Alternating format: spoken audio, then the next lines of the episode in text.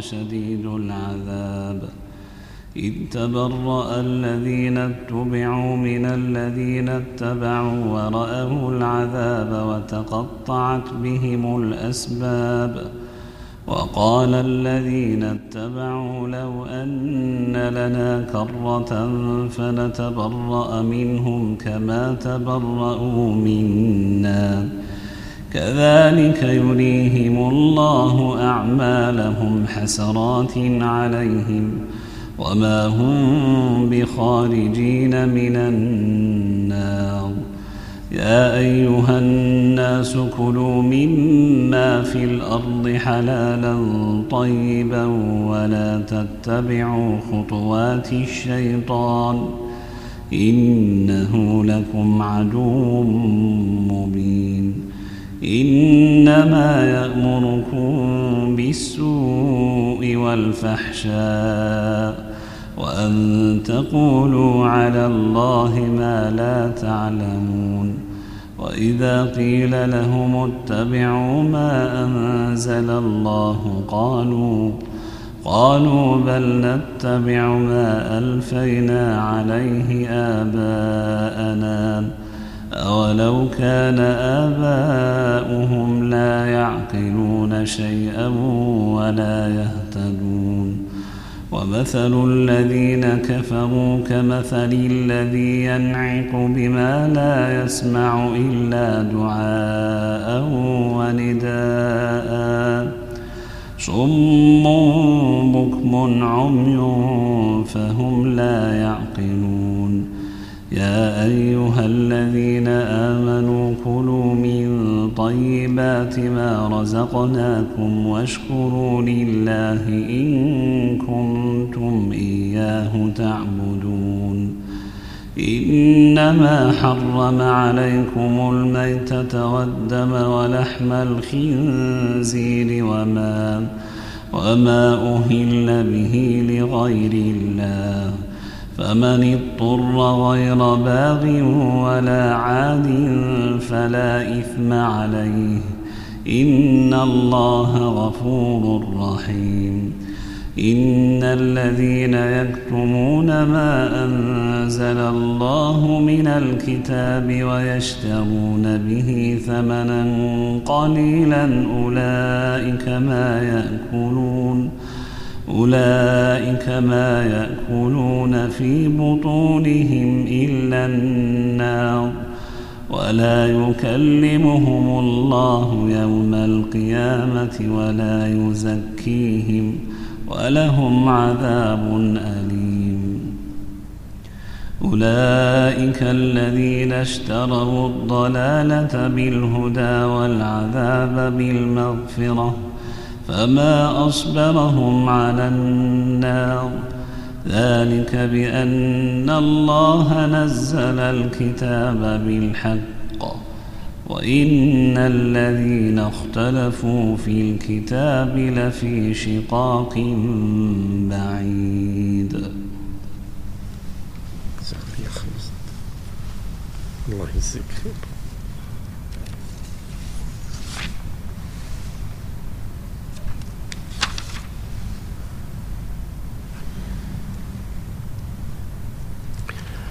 الحمد لله رب العالمين وصلى الله وسلم على نبينا محمد وآله وأصحابه أجمعين أما بعد. فقد وصلنا في هذه الدروس في سورة البقرة إلى هذه الآيات التي تلاها علينا أخونا الشيخ علي جزاه الله خيرا. يقول الله عز وجل ومن الناس من يتخذ من دون الله أندادا يحبونهم كحب الله والذين آمنوا أشد حبا لله. فهذه الآية هي عن المشركين. الذين جعلوا لله أندادا. وأصل الند هو النظير والمثيل. والله جل وعلا لا ند له. ليس كمثله شيء وهو السميع البصير. وقد ثبت كما تقدم معنا في الصحيح من حديث عبد الله بن مسعود أن النبي صلى الله عليه وسلم سئل أي الذنب أعظم؟ قال أن تجعل لله ندا وهو خلقك. أن تجعل لله نظيرا ومثيلا. والمشركون ما كانوا يعتقدون أن الأنداد مساوية لله في كل شيء. ولذلك كانوا يقولون في تلبيتهم لبيك اللهم لبيك لبيك لا شريك لك لبيك إلا شريكا تملكه وما ملك. اذا هم وعليك السلام. هم يعلمون أن أصنامهم ليست مساوية لله وليست مكافئة لله من كل وجه وقد صرحوا بذلك. قال تعالى والذين اتخذوا من دونه أولياء ما نعبدهم إلا ليقربونا إلى الله زلفى. اذا هم يعلمون أن معبوداتهم ليست مساوية لله من كل وجه بل يعلمون أن هذه المعبودات إنما هي تقربهم إلى الله. اذا فمعنى جعل العبد لله ندا أن تصرف شيئا من عبادة الله لغيره. فقد جعلت هذا ندا لله سواء اعتقدت أنه مساو لله أو تبرأت من ذلك. فالمشركون حين يسألون لماذا تعبدون هذه الأصنام؟ يعلمون أنها ليست مساوية لله. والذين اتخذوا من دونه أولياء ما نعبدهم إلا ليقربونا إلى الله زلفى. هم يعلمون أن الله أعظم وأجل من أصنامهم لكن جعلوا عبادتهم للأصنام جعلوا أصنامهم مقربة لهم إلى الله. فتبين من هذا أن الشرك ليس معناه أن تعتقد الندية فيما أشركت به.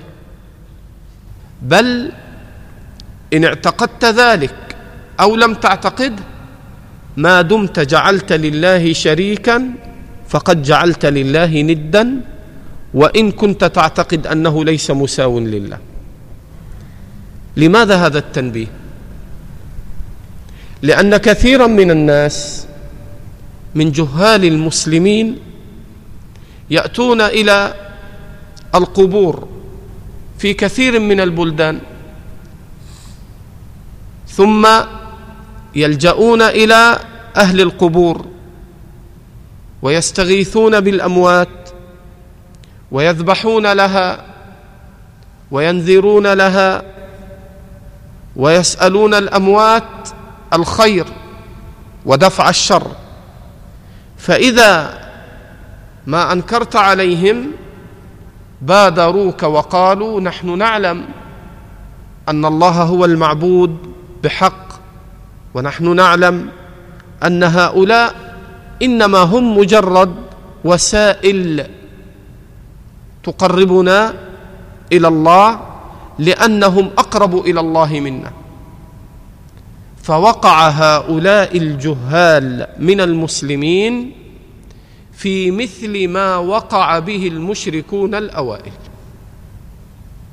المشركون الأوائل ما كانوا يعتقدون أن أصنامهم مساوية مساوية لله عز وجل.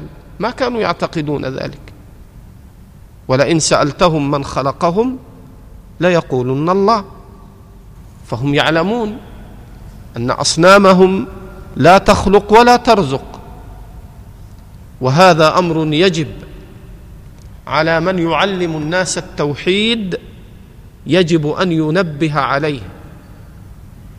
فإن هؤلاء الجهال من المسلمين ظنوا حين يعتقدون أن هذا الولي ليس مما يستحق أن يعبد وإنما هو وسيلة لأنه أقرب إلى الله منهم هكذا يظنون. فهذا هو الشرك بعينه. وهذا هو الكفر الذي يخرج به الإنسان عن الإسلام. إلا أن هذا الجاهل يتوقف عن تكفيره حتى تقام عليه الحجة وتنتفي عنه الشبهة. فإن أهل العلم لا يكفرون المسلم إذا وقع في ذنب جهلا حتى تقام الحجة وتنتفي الشبهة. نقول نعم فعله كفر فعله شرك. أما هو فلا يكفر إلا بعد قيام الحجة. وقد ذكر الإمام شيخ الإسلام محمد بن عبد الوهاب النجدي رحمه الله كما في الرسائل النجدية. فقال في بعض رسائله ونحن نكفر من توجه إلى القبور واستغاث بأصحابها وفعل كذا وكذا. ولا نكفر من قام على قبة البدوي في مصر. قال الإمام محمد بن عبد الوهاب قال فإن هؤلاء لم يجدوا من يبين لهم العلم. فكان الإمام محمد بن عبد الوهاب يكفر من قام في جزيرة العرب وفي الحرمين بعبادة القبور الاستغاثة بالأموات والدعاء لهم وسؤالهم فكان يكفر هؤلاء. وأما من نشأ في بلاد مصر فكان يقول لا نكفر من قام على قبة البدوي وإن كان معلوما أنه قد أتى بالكفر الصريح ثم علل الفرق بين تكفيره من صنع ذلك في تلك البلاد التي ظهر فيها آثار العلم وفي عدم التكفير لمن قام على قبة البدوي بأن هؤلاء لم يبلغهم العلم الذي جاء به الرسول صلى الله عليه وسلم. فهذا أصل عظيم ينتبه إليه وهو أصل العذر وهو أصل العذر بالجهل مع مسألة ما معنى الند لله. قال الله جل وعلا ومن الناس من يتخذ من دون الله أندادا يحبونهم كحب الله. قال المفسرون هؤلاء المشركون يحبون أصنامهم كما يحب المؤمنون ربهم. يحبونهم كحب الله. والذين آمنوا أشد حبا لله.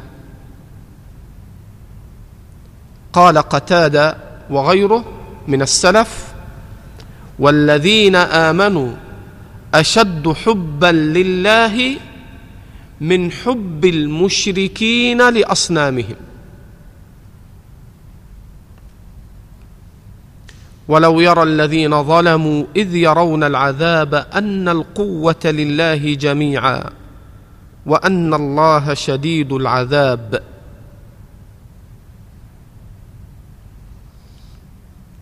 إذ تبرأ الذين اتبعوا من الذين اتبعوا ورأوا العذاب وتقطعت بهم الأسباب. يوم القيامة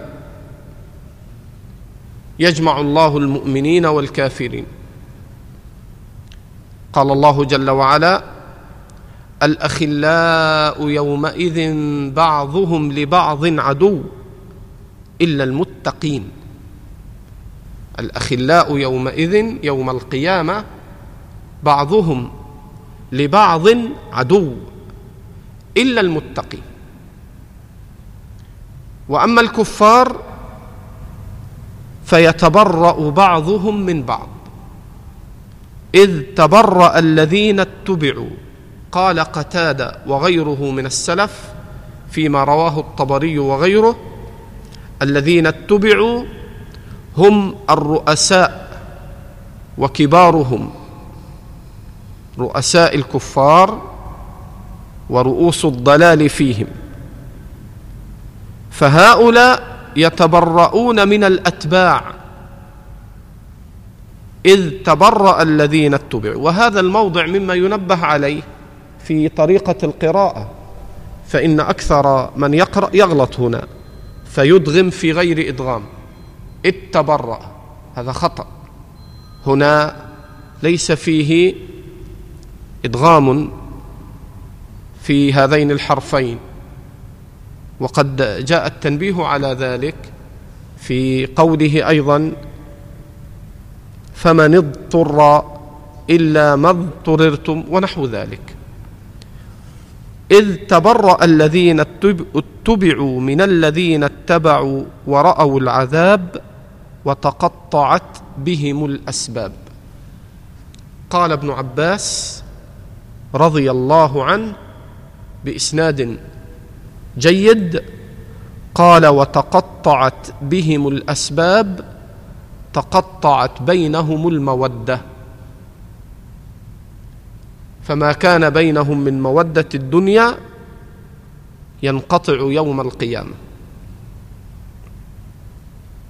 وقال الذين اتبعوا لو أن لنا كرة يتمنون أن يعودوا إلى الدنيا حتى يتبرأوا من كبرائهم. فنتبرأ منهم كما تبرأوا منا. كذلك يريهم الله أعمالهم حسرات عليهم. وما هم بخارجين من النار. فالكافر لا يخرج من النار أبدا ولا يدخل الجنة. كما قال تعالى ولا يدخلون الجنة حتى يلج الجمل في سم الخياط. فعلق الله جل وعلا دخول الكافر الجنة حتى يدخل الجمل في سم الخياط. ولن يدخل الجمل في سم الخياط قط. فهذه الآية وما هم بخارجين من النار هي في الكافر. فعمد الخوارج الظلال. قالوا من دخل النار لا يخرج منها قط. مسلما كان أو كافرا. فجعلوا أهل الذنوب من المسلمين بمنزلة الكافرين في الخلود في النار. ولذلك لما جاء أحد الخوارج قبل أن يهديه الله كما في صحيح مسلم فجاء ووجد جابر بن عبد الله رضي الله عنه يدرس في المسجد. فوقف الخارجي. ثم هداه الله بعد. فقال ما هذا الذي تحدثون به يا أصحاب رسول الله؟ تحدثون بأحاديث تخالف القرآن. وقد قال الله يريدون أن يخرجوا منها من النار وما هم بخارجين منها. فكيف تحدثون بهذه الأحاديث؟ يعني أحاديث الشفاعة بأن عصاة المسلمين يخرجون من النار. فهذا الخارجي قبل أن يهديه الله لم يفهم القرآن بالسنة. فهم القرآن دون أن يستعين بالسنة. فترفق به جابر بن عبد الله. فقال ادنه فقال له جابر هل قرأت القرآن؟ قال نعم قراته قال فهل قرأت قوله عسى أن يبعثك ربك مقاما محمودا؟ قال نعم. قال فإن المقام المحمود هو مقام الشفاعة. حين يخرج الله به من النار عصاة المسلمين. اذا انظر كيف يضل الخوارج. كما يقول ابن عمر فيما علقه الإمام البخاري في صحيحه عن ابن عمر. وجاء موصولا إلى ابن عمر رضي الله عنهما. قال ابن عمر واصفا حال الخوارج. عمدوا إلى آيات نزلت في الكفار فجعلوها في المسلمين. عمدوا إلى آيات نزلت في الكفار. فجعلوها في المسلمين. ومن هذه الآيات هذه الآية التي نقرأها الآن. قال الله عز وجل بعد أن ذكر حال الكفار من المتبوعين والتابعين قال كذلك يريهم الله أعمالهم حسرات عليهم وما هم بخارجين من النار. وأما المؤمنون العصاة الذين دخلوا النار بذنوبهم فقد تواترت الأحاديث في الصحيحين وغيرها أن النبي صلى الله عليه وسلم والمؤمنين والملائكة يشفعون لمن دخل في النار. ومن أظهر وأبين تلك الأحاديث حديث الشفاعة الطويل الذي أخرجاه في الصحيحين البخاري ومسلم من حديث أبي سعيد أن الله يقول بعد أن تنتهي شفاعات الخلق يقول الله شفعت الملائكة وشفع النبيون وشفع المؤمنون ولم يبق إلا شفاعة أرحم الراحمين. فيقبض قبضة من النار فيخرج أقواما لم يعملوا خيرا قط. فيدخلهم الجنة فيسميهم المؤمنون عتقاء الرحمن. فيقولون هؤلاء عتقاء الرحمن أدخلهم الله الجنة بغير عمل عملوه ولا خير قدموه. اذا احذر طريقة الخوارج الضلال الذين يأتون بالآيات التي هي في الكفار فيجعلونها في المسلمين فيستحلون دماء المسلمين.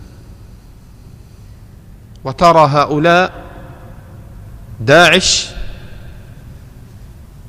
وغيرهم من الخوارج كما حكم أهل العلم عليهم بذلك بأنهم من خوارج العصر يكفرون المسلمين بالكبيرة وبالتالي يستحل دمه. فيذبحون المسلمين دون أن يتورعوا عن ذلك لأنهم يعتقدون كفر المسلمين.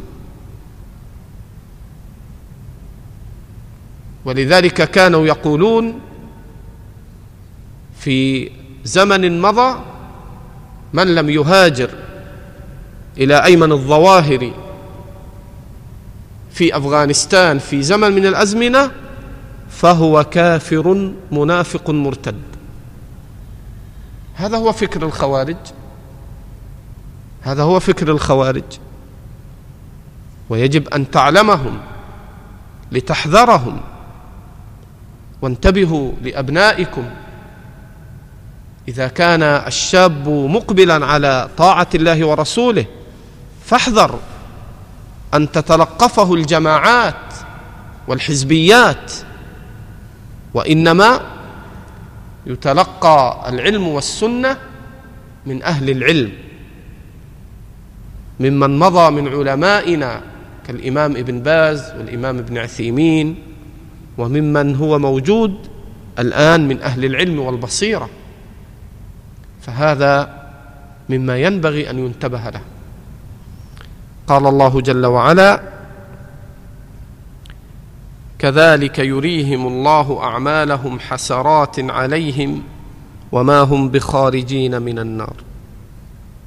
يا أيها الناس كلوا مما في الأرض حلالا طيبا ولا تتبعوا خطوات الشيطان إنه لكم عدو مبين. وقد روى مسلم في صحيحه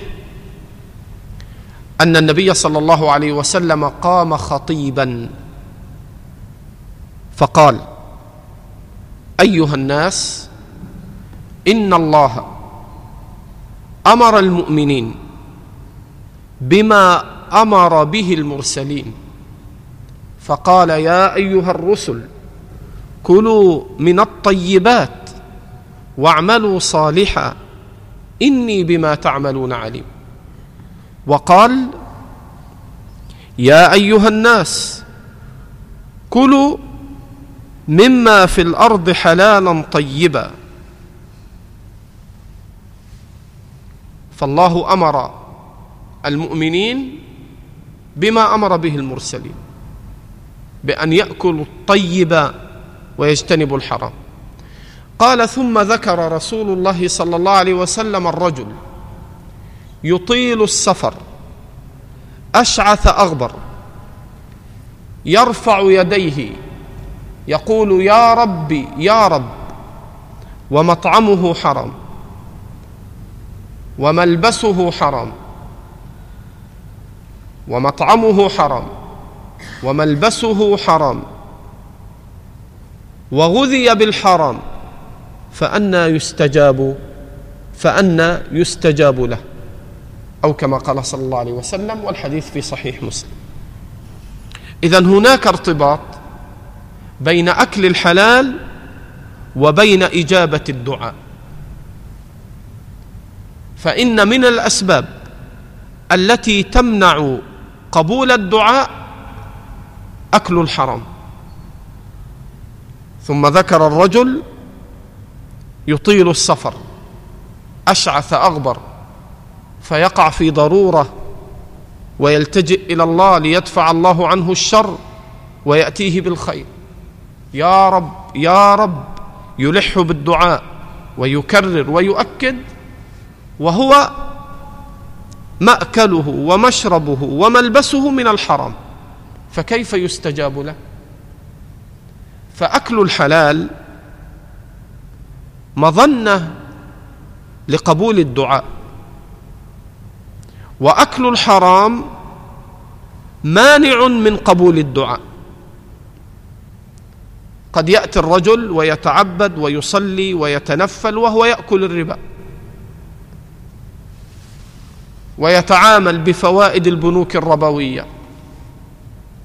وقد يصلي صلاة الفجر في جماعة. ولا يلتفت إلى أنه غارق في أكل الحرام. فأكل الحرام مانع من قبول الدعاء. قال كلوا مما في الأرض حلالا طيبا ولا تتبعوا خطوات الشيطان. إنه لكم عدو مبين. ليس عدوا تخفى عداوته بل عداوته ظاهره بينة. قال فبعزتك لأغوينهم أجمعين. صرح بالعداوة وأظهرها وبينها.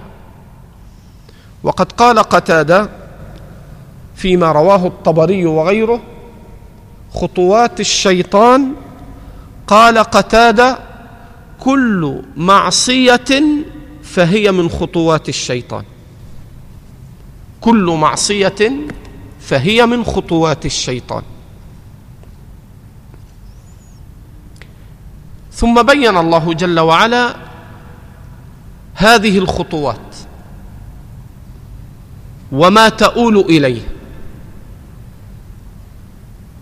إنما يأمركم بالسوء والفحشاء.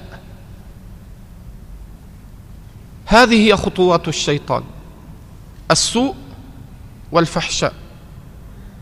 قال الحافظ الإمام ابن كثير السوء الأعمال السيئة والفحشاء الأشد فحشا من السيئة كالزنا وما أشبهه. اذا فهو يأمرك بصغير الذنوب وكبيرها. وقد لا يدفعك إلى الفحشاء ابتداء لا يدفعك إلى الذنب الأكبر. وإنما يدفعك إلى الأصغر وهي الأعمال السيئة فإذا استسهلت واعتدت صغار الذنوب قد يجرك هذا إلى الفحشاء. كالزنا وغيره يجرك إلى كبار إلى كبار الذنوب. ولذلك حذر النبي صلى الله عليه وسلم فقال كما صححه الإمام الألباني رحمه الله حين سئل يا رسول الله أو أنا لمؤاخذون بما تكلمت به ألسنتنا فقال ثكلتك أمك وهل يكب أو يكب الناس على مناخرهم في جهنم إلا حصائد ألسنتهم؟ اذا الذنوب التي يستصغرها الإنسان ويستقلها من الأفعال السيئة قد توردك المهالك وتؤدي بك إلى الفحشاء وهي كبار الذنوب كالزنا وغيره عياذا بالله. وأن تقولوا على الله ما لا تعلمون. انظر جعل القول على الله من أشد الذنوب. أشد من الفحشاء أشد من السوء. القول على الله بلا علم. ولذلك انظر كيف تدرج الله من الذنوب بالذنوب من الأصغر إلى الأكبر. فقال تعالى قل إنما حرم ربي الفواحش ما ظهر منها وما بطن والإثم. والبغي بغير الحق. وأن تشركوا بالله ما لم ينزل به سلطانا وأن تقولوا على الله ما لا تعلمون. قال ابن القيم فجعل القول عليه بلا علم أكبر الذنب. لماذا؟ لأنك تنسب إلى الله بالكذب دينا وشرعا لم يأمر به. لذلك قال شيخ الإسلام ابن تيمية المبتدع أشد خطرا من العاصي والبدعه أشد خطرا من المعاصي. قال فإن المعاصي ترك فعل المأمور أو ارتكاب المنهي. قال وأما البدع فهو تشريع دين لم يأذن به الله ونسبة شيء إلى الله في شرعه ودينه ولم يقله الله. ولذلك تجد أن العاصي إذا ذكر بالله ربما يتذكر ويتوب. لكن المبتدع لا يتفكر أصلا أن يتوب من بدعته بل هو يعتقد أن بدعته تزيده قربة إلى الله. ولذلك جاء الحديث الصحيح كما صححه الإمام الألباني وغيره أن النبي صلى الله عليه وسلم قال إن الله احتجز التوبة عن كل صاحب بدعة حتى يدع بدعته. قال الله جل وعلا وإذا قيل لهم اتبعوا ما أنزل الله قالوا بل نتبع ما ألفينا عليه آباءنا أولو كان آباؤهم لا يعقلون شيئا ولا يهتدون وهذا من الموانع التي تمنع الإنسان من قبول الحق. التقليد للآباء والأجداد. ولذلك لما أمر الله المشركين بالإيمان ذكرهم بابيهم التقي قال ملة أبيكم إبراهيم. إن كان لابد من اتباع الآباء فأن تتبع الأب الذي على الحق. ولا تتبع الأب الذي على الباطل والضلال. فإن كنتم لابد متبعين للآباء فذاك إبراهيم هو أبو أبوكم وهو القائم بتوحيد الله عز وجل. ملة أبيكم إبراهيم هو سماكم المسلمين من قبل. فلا ينبغي أن يترك المسلم الحق إذا جاءه من الكتاب والسنة لقول أحد من الناس ولا لتقليد مقلد من الناس أبا كان أو غيره. فإذا جاء أمر الله وأمر رسوله قدم على كل أمر. وإذا قيل لهم اتبعوا ما أنزل الله قالوا بل نتبع ما ألفينا عليه آباءنا أولو كان آباؤهم لا يعقلون شيئا ولا يهتدون؟ ومثل الذين كفروا كمثل الذي ينعق بما لا يسمع إلا دعاء ونداء. مثل الكفار كمثلك حين تنعق بالبهيمة. كالبهيمة تسمع الأصوات. ولا تدري هذه البهيمة ما المراد من هذا الكلام الذي يتكلم؟ فشبه الله عز وجل الكفار في غفلتهم وضلالهم وكفرهم كحال البهائم التي لا تعقل الخطاب ولا تفهمه. ومثل الذين كفروا كمثل الذي ينعق بما لا يسمع إلا دعاء ونداء. صم بكم عمي فهم لا يعقلون. يا أيها الذين آمنوا كلوا من طيبات ما رزقناكم.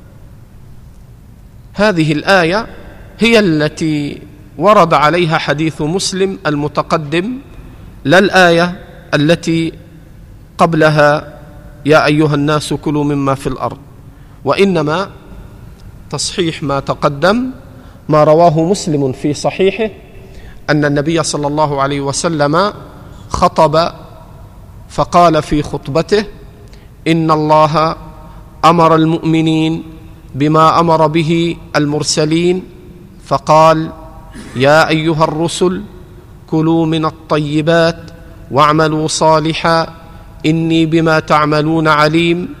وقال يا أيها الذين آمنوا كلوا من طيبات ما رزقناكم. واشكروا لله. واشكروا لله.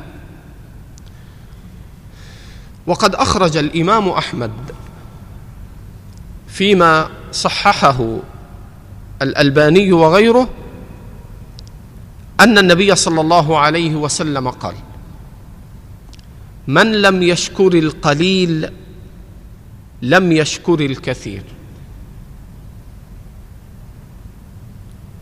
ومن لم يشكر الناس لم يشكر الله. التحدث بنعمة الله شكر وكتمها أو وسترها كفر. والجماعة رحمة والفرقة عذاب. هذا حديث صحيح فيه بيان كيف يشكر المسلم ربه. يقول كما أخرجه الإمام أحمد في المسند وصححه الألباني وغيره يقول عليه الصلاة والسلام من لم يشكر القليل لم يشكر الكثير. يأتي الإنسان رزق من الله لكنه قليل فلا يهش به نفسا ولا يشكر ولا يفرح لأنه شيء قليل. وهذا مما يدل على ضعف الشكر عند العبد. بل إن الله يحبك أن تحمده على الشربه تشربها وعلى الاكله تأكلها. قال من لم يشكر القليل لم يشكر الكثير. فإذا اعتدت أن لا تبالي بشكر الله على قليل النعمة عاقبك الله وقد يصل بك الأمر أنك لا تشكر الله على كثير النعمة. لذلك شكر النعمة سبب لثبوتها ونمائها. هذا وعد الله.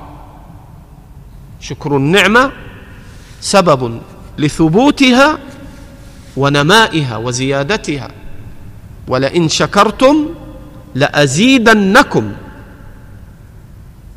قال من لم يشكر؟ القليل لم يشكر الكثير. ومن لم يشكر الناس لم يشكر الله. رجل أحسن إليك. في أمر دينك أو دنياك. فأنفت وتكبرت أن تشكره.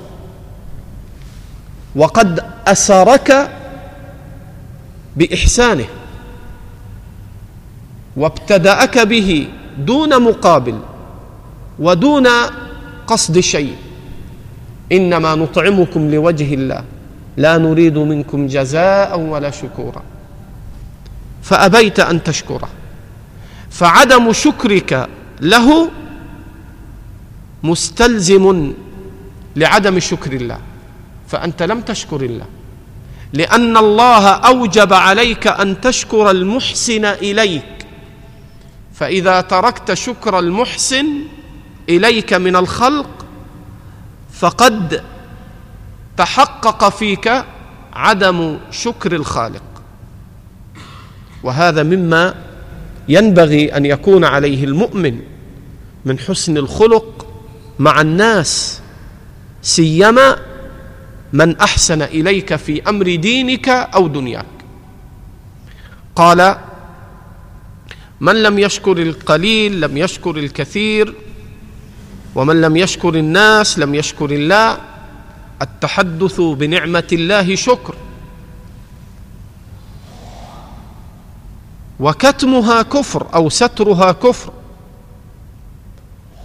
والجماعة رحمة والفرقة عذاب. هذا مما عطف على شكر الله. أن يكون المسلمون جماعة واحدة لا جماعات وصراط واحد لا عشرات. فالمسلمون جماعة واحدة لا جماعات ويسلكون صراطا واحدا لا عشرات. أما تفرق الناس إلى شيع وفرق وأحزاب وكل يوالي جماعته وحزبه ويدعو لجماعته ويتحزب للجماعات فهذا كله طريق أهل البدع. وأما أهل السنة فلا جماعة لهم ولا حزب لهم إلا ما كان عليه النبي صلى الله عليه وسلم وأصحابه. فإذا رأيت الرجل يدعو إلى جماعة ويغضب لفلان ويتعصب لفلان ويترك ما جاء عن السلف الصالح من الصحابة والتابعين والقرون التي شهد لها بالخير فاعلم أنه على غير السبيل. قال والجماعة رحمة والفرقة عذاب. قال الله جل وعلا واشكروا لله إن كنتم إياه تعبدون. إنما حرم عليكم الميتة. الميتة يحرم أكلها ولا يستثنى من الميتة إلا ميتتان. كما روى البيهقي بإسناد صحيح من قول ابن عمر وجاء مرفوعا والصحيح وقفه. كما رجح هذا حفاظ الحديث. كأبي حاتم وغيره. أن ابن عمر رضي الله عنهما قال أحل لنا ميتتان ودمان. أحل لنا ميتتان ودمان. الجراد والسمك والكبد والطحال. فأكل الدم حرام لكن أحل لك أكل الكبد وهو دم. والطحال وهو دم. وأما ما كان من غير هذه الدماء كالدم المسفوح فيحرم أكله. ولا يجوز. قال إنما حرم عليكم الميتة ما خلا ميتة الجراد وميتة السمك. والدم ما خلا. الكبد والطحال ولحم الخنزير.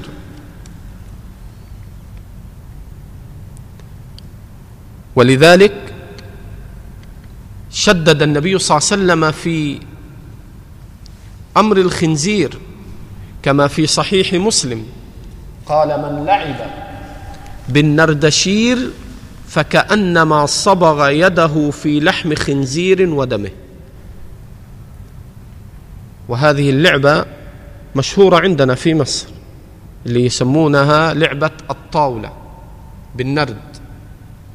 هذه من الكبائر من محرمات الأفعال. فجعل النبي صلى الله عليه وسلم الذي يلعب بالنرد من لعب بالنردشير فكأنما صبغ يده في لحم خنزير ودمه. قال سبحانه وتعالى إنما حرم عليكم الميتة والدم ولحم الخنزير وما أهل به لغير الله. اتفق كلام السلف كقتادة وغيره فيما نقل الطبري وابن أبي حاتم وغيرهما أن ما أهل به لغير الله هي الذبائح التي كانوا يأتون بها يجعلونها لآلهتهم. فتذبح. يؤتى بها ويهل بها لآلهتهم. هذه لا يجوز أن تأكل منها لأنها ذبحت لغير الله. فصارت كالميتة هي ليست ميتة لأن الله فرق بين الميتة وبين ما أهل فهي مذبوحة مذكاة. ولكن التحريم من أكلها لأنها أهل بها لغير الله. مثل هؤلاء الذين يأتون بالذبائح إلى القبور ويذبحون عند القبر. فهذا مما أهل به لغير الله. فلا يجوز أن يطعم ويصير كالميتة في تحريم تناوله ولا يجوز أن يمس ولا أن يذاق منه لقمة لأنه أهل به لغير الله. وأصل الإهلال كما يقول الطبري والإهلال أصله رفع الصوت. وإنما قيل وما أهل لغير الله وما أهل به لغير الله لأنهم كانوا يأتون بالذبائح إلى معبوداتهم فيرفعون أصواتهم بأسماء الأصنام التي يذبح لها. هذا لمنات هذا للعزى هذا لكذا وكذا. ولذلك من هذا الباب ما ثبت عند أبي داود في السنن وصححه الألباني أن رجلا نذر أن يذبح إبلا ببوانة. بوانة بلدة. فهذا الرجل نذر أن يذبح إبلا ببوانة فأتى النبي صلى الله عليه وسلم فسأله فقال هل كان فيها وثن من أوثانهم يعبد؟ فقال لا. فقال هل كان فيها عيد من أعيادهم؟ فقال لا. قال فأوف بنذرك فإنه لا نذر في معصية الله ولا فيما لا يملك ابن آدم. رواه أبو داود وصححه الألباني وغيره. اذا انظر هنا أراد الرجل أن يذبح ابلا ببوانه وهو مسلم. ولكن النبي صلى الله عليه وسلم منعه أن يوفي بالنذر في بوانه إذا كان هناك وثن يعبد من دون الله. هو لا يقصد أن يذبح للوثن ولكنه سد الذريعة لأنه إذا جاء وذبح حيث يذبح المشركون لأوثانهم ظن أنه يذبح للوثن مثله. فنهي عن ذلك سدا للذريعة. ثم سأل هل كان فيها عيد من أعيادهم؟ يجتمعون يحتفلون ويجتمعون على أعيادهم الباطلة؟ قال لا.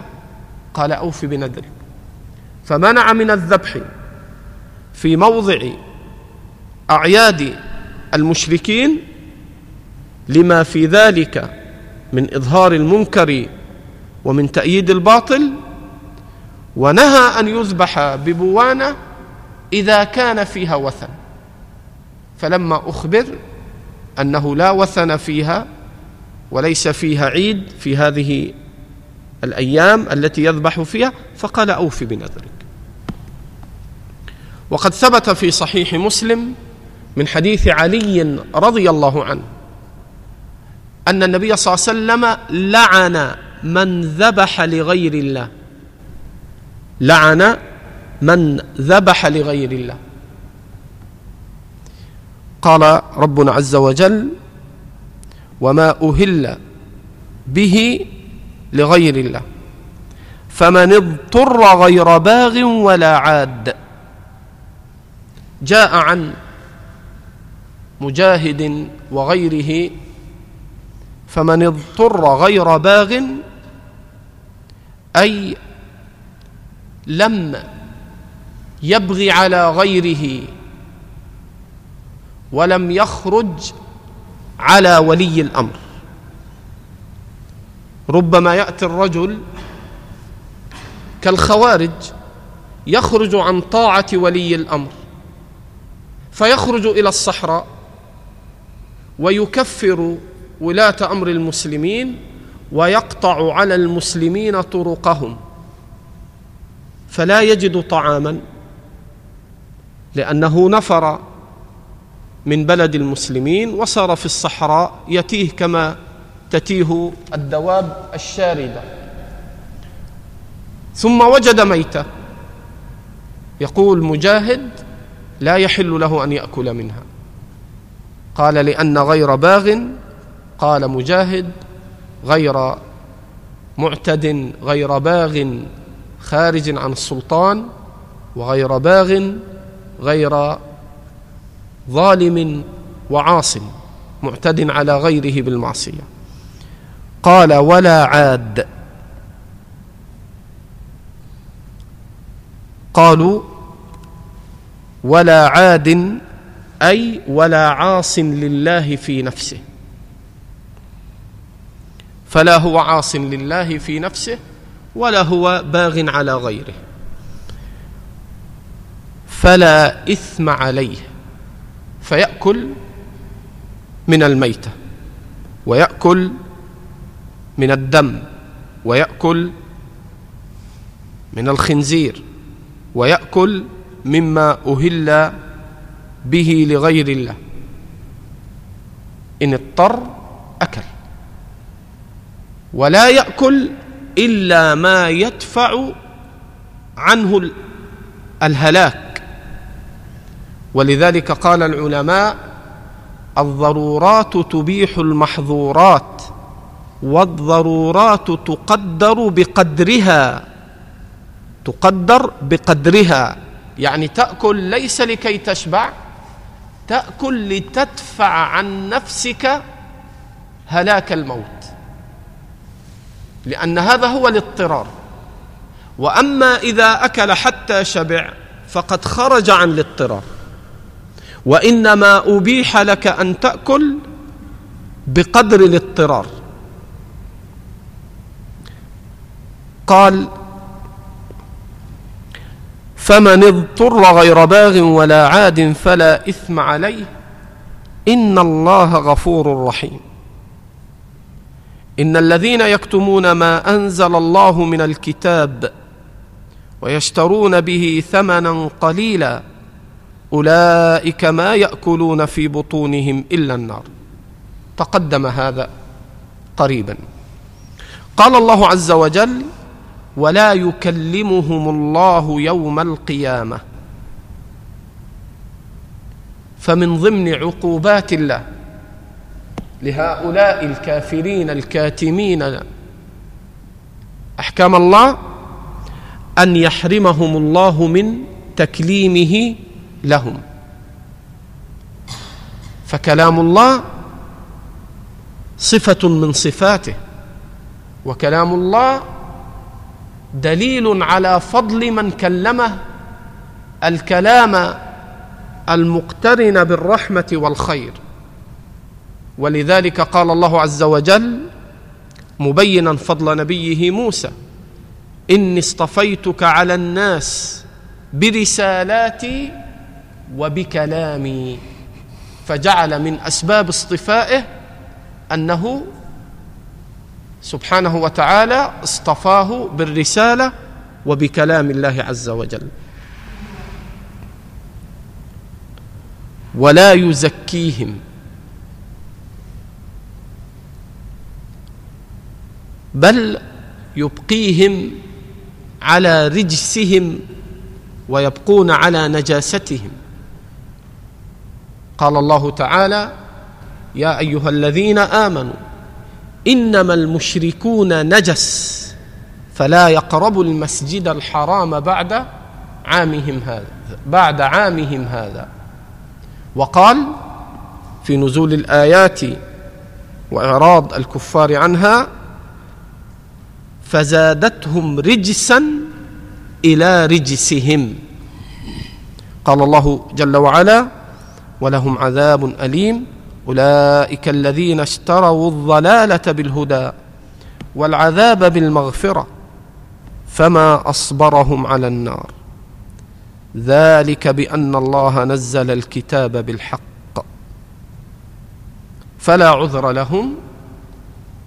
فقد تقدم اعذار الله عز وجل وقامت حجته على خلقه بأن الله نزل الكتاب بالحق وقوله بالحق نزل الكتاب فالكتاب هنا مفعول به وبالحق الجار والمجرور متعلقان بمحذوف حال والمعنى نزل الكتاب متلبسا بالحق كما قال تعالى وبالحق أنزلناه وبالحق نزل. فهو حق في نفسه وحال الإنزال نزل بحق لم يشبه باطل في طريقة الإنزال فهو بحق بعد أن استقر نزوله وهو بحق حال النزول محفوظ من كل باطل. حال الإنزال محفوظ من كل باطل بعد أن استقر إنزاله. وهذا معنى قوله وبالحق أنزلناه وبالحق نزل. قال الله جل وعلا وإن الذين اختلفوا في الكتاب لفي شقاق بعيد. والله أعلم. نعم.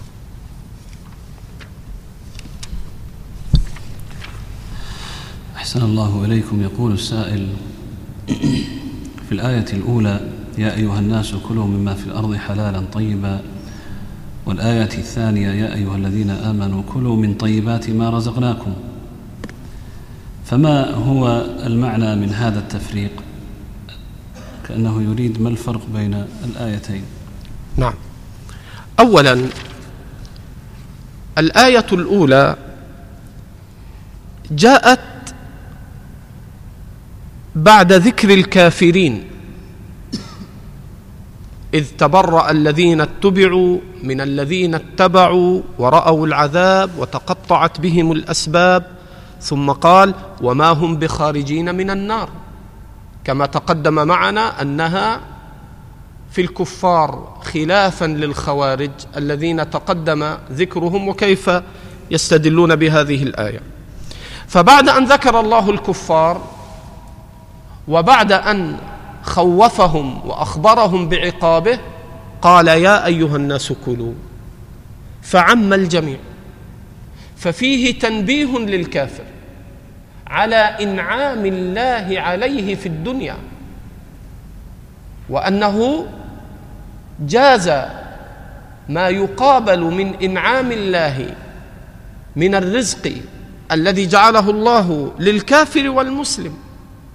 أما المسلم فأخذ النعمه فشكر وأما الكافر فأخذ النعمه وكفر.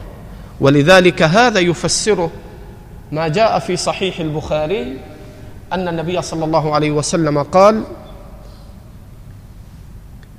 لا أحد لا أحد أصبر على أذى سمعه من الله. لا أحد أصبر على أذى سمعه من الله. هم يدعون له الولد وهو يعافيهم ويرزقهم.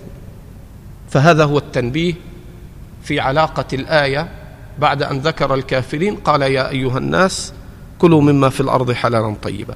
وأما الآية الأخرى فهي خطاب الله جل وعلا للمؤمنين لما سيرتب على الخطاب من أحكام شرعية لن يلتزم بها إلا أهل الإسلام. فبعد أن قال يا أيها الذين آمنوا مهد ذلك للأحكام الشرعية من الحلال والحرام الذي هو التزام المؤمن بأحكام الله فبين إنما حرم عليكم كذا وكذا وكذا فناسب أن يذكر ما قبله أهل الإيمان وناسب في ذاك أن يذكر عموم الناس. والله أعلم بمراد كلامه. أرجو توضيح معنى قوله تعالى وتقطعت بهم الأسباب وهل يدخل في ذلك أسباب الحزبية المعاصرة؟ الأسباب. كل ما تمسك به الإنسان في صلة مودة ومحبة وولاء مع غيره فيقال بينه وبينه سبب. فمثلا إذا أحب الإنسان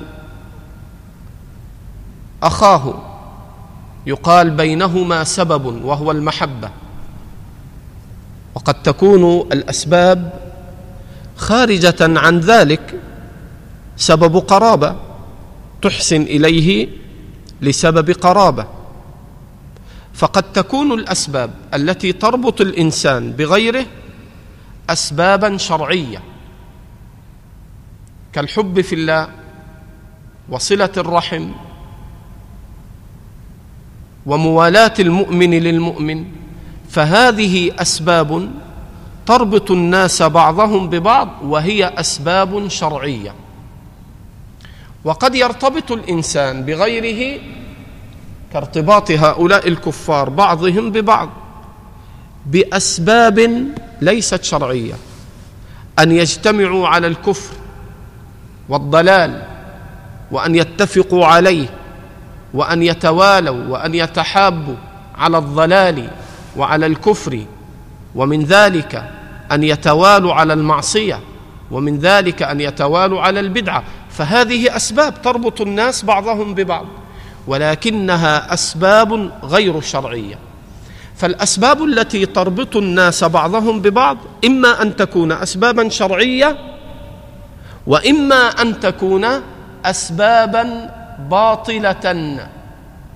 لذلك الأسباب التي تربط الناس بعضهم ببعض وهي الأسباب الشرعية تنفعهم يوم القيامة. الأخلاء يومئذ بعضهم لبعض عدو إلا المتقين. وأما الأسباب التي تربط بين أهل الضلال فتنقطع كالحبل الذي تمسكه ثم ينقطع فلا تستفيد وتسقط ولا ينفعك هذا الحبل. فقال وتقطعت بهم الأسباب.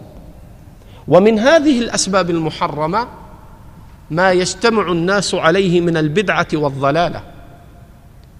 كما قال صلى الله عليه وسلم في صحيح مسلم لا حلف في الإسلام. وأيما حلف كان في الجاهلية لم يزده الإسلام إلا شدة. فلا يجوز أن تجعل بينك وبين المؤمن حزبا وحلفا ويكون هذا الحلف سببا للمودة وبين التعلق بينكم. لا حلف في الإسلام. فلا يجوز أن تجعل الحزبية سببا لربط المسلم بأخيه. لماذا؟ لأن الأصل أن المسلمين جميعا يكونوا على قلب رجل واحد. جمعهم الكتاب والسنة. فالكتاب والسنة هو حبل الله. ولذلك قال واعتصموا بحبل الله جميعا. هذا الحبل لا ينقطع وهو السبب الدائم الذي لا ينقطع. وأما أن يتوالى الناس على حزبية بينهم وعلى عصبية بينهم حزبية في بدعة وضلالة حزبية قبائلية عرقية أممية كل هذا يدخل في ضمن الأسباب التي حرمها الله ورسوله ومن ذلك ما جاء في صحيح مسلم قال صلى الله عليه وسلم لا حلف في الإسلام. نعم. جزاك الله خيرا. ما معنى وإعراب قوله تعالى فما أصبرهم على النار هذه التي يقولها العلماء بأنها ما التعجبية وإعرابها في قوله تعالى فما أصبرهم على النار يقولون أن ما تعجبية ناصبة للفعل بعدها فما أصبر هم والضمير المتصل في أصبر هم في محل نصب بفعل مقدر. يقول فما أصبر. فأصبر ناصبة للضمير المتصل بها. أصبر هم والفاعل هو الضمير المستتر في قوله فما أصبر هو هم. فصار المعنى من هذا أن ما هي التعجبية الناصبة وأن أصبر هو منصوب بما التعجبية وأن الفاعل مستتر وهو تقديره هو وأن الضمير المتصل بالفعل أصبر هم في محل نصب مفعول به. نعم. فكيف يعني ما وجه صبرهم على النار؟ قال العلماء هؤلاء الكفار اشتروا الضلالة بالهدى. فما الذي جعل هؤلاء يرضون بذلك حتى استلزم ذلك أنهم رضوا بأن يعذبوا في النار فصبروا على النار. فهو أسلوب توبيخ وذم واستنكار. يقول ما الذي حملكم أن تشتروا الضلالة بالهدى حتى كأنكم صرتم راضين وصابرين على أن تعذبوا؟ بالنار. نعم. يقول السائل أحسن الله إليكم. ما حكم تخصيص شهر رمضان بالتفسير؟ هذا ليس معروفا عن السلف. ولا أحد من علمائنا يقول بأن يخصص شهر رمضان بالتفسير هذا لا قائل به وإنما التفسير الحديث الفقه كل هذا في رمضان وفي غير رمضان. وما أحسن ما قاله العلامة الشيخ الفوزان عن طلب العلم في رمضان فقال طلب العلم في رمضان من أعظم العبادة. وعلى كل حال أبشر السائل من باب زيادة الفائدة أن عندنا آه، درسا في بلوغ المرام بعد التراويح في منزل أخونا الله يحفظه أبو عبد الرحمن. نسأل الله أن يوفقه وأن يسدده. فالحمد لله ندرس التفسير وندرس الفقه. أما أن يخصص رمضان بالتفسير هذا لا أعلم قائلا به من أهل العلم ولا نقول به والحمد لله. وإنما رمضان كغيره في سائر العلوم الشرعية تفسير الحديث الفقه وما يسر الله عز وجل من العلم. نعم. جزاك الله خيرا وأحسن الله إليكم. تسلم. بارك الله فيك وسلمك الله. جزاك الله خير